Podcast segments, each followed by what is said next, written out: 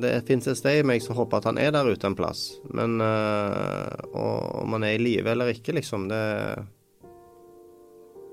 Det er um...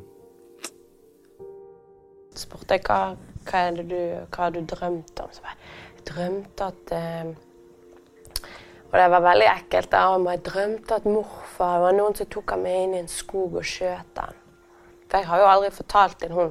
Jeg sa bare at han forsvant. Tenk deg at en av dine aller nærmeste, noen du elsker, bare blir borte. At de slutter å svare på meldingene dine. Og når du ringer, så tar de ikke lenger telefonen. Hvorfor ringer han ikke hjem så lenge han kunne ringe hjem i desember? Sant? Tenk deg når det sakte går opp for deg at du aldri får høre den stemmen igjen, eller aldri får se det smilet, eller høre den latteren. Virker det utenkelig? Hvert eneste år er det likevel mange nordmenn som opplever akkurat dette.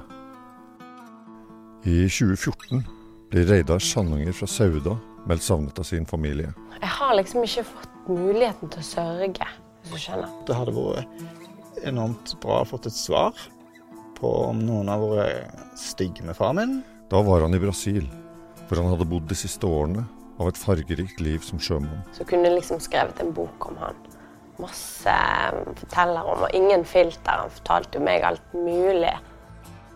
Men eh, pensjonsalderen nærma seg, og han ville hjem til Sauda. Han sa det, jeg kom igjen, og han var ikke noen rik mann. om Han kunne få bo hos meg.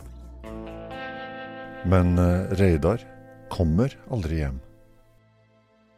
I stedet tar historien en helt annen retning. Hva skjedde egentlig med Reidar Sandanger? Enten har det skjedd noe kriminelt, eller så har han dødd naturlig. Men hvis han har dødd naturlig, så er det i hvert fall noen som har kvittet seg med han. Sant? Prøvd å skjule det.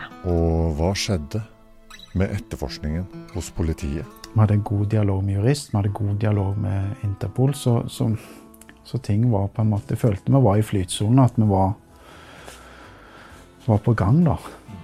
Men eh, Han er iallfall Noen vet noe. Ja. Noen skjuler noe.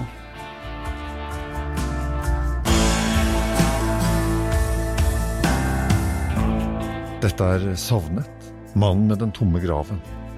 En podkastserie fra Stavanger Aftenblad.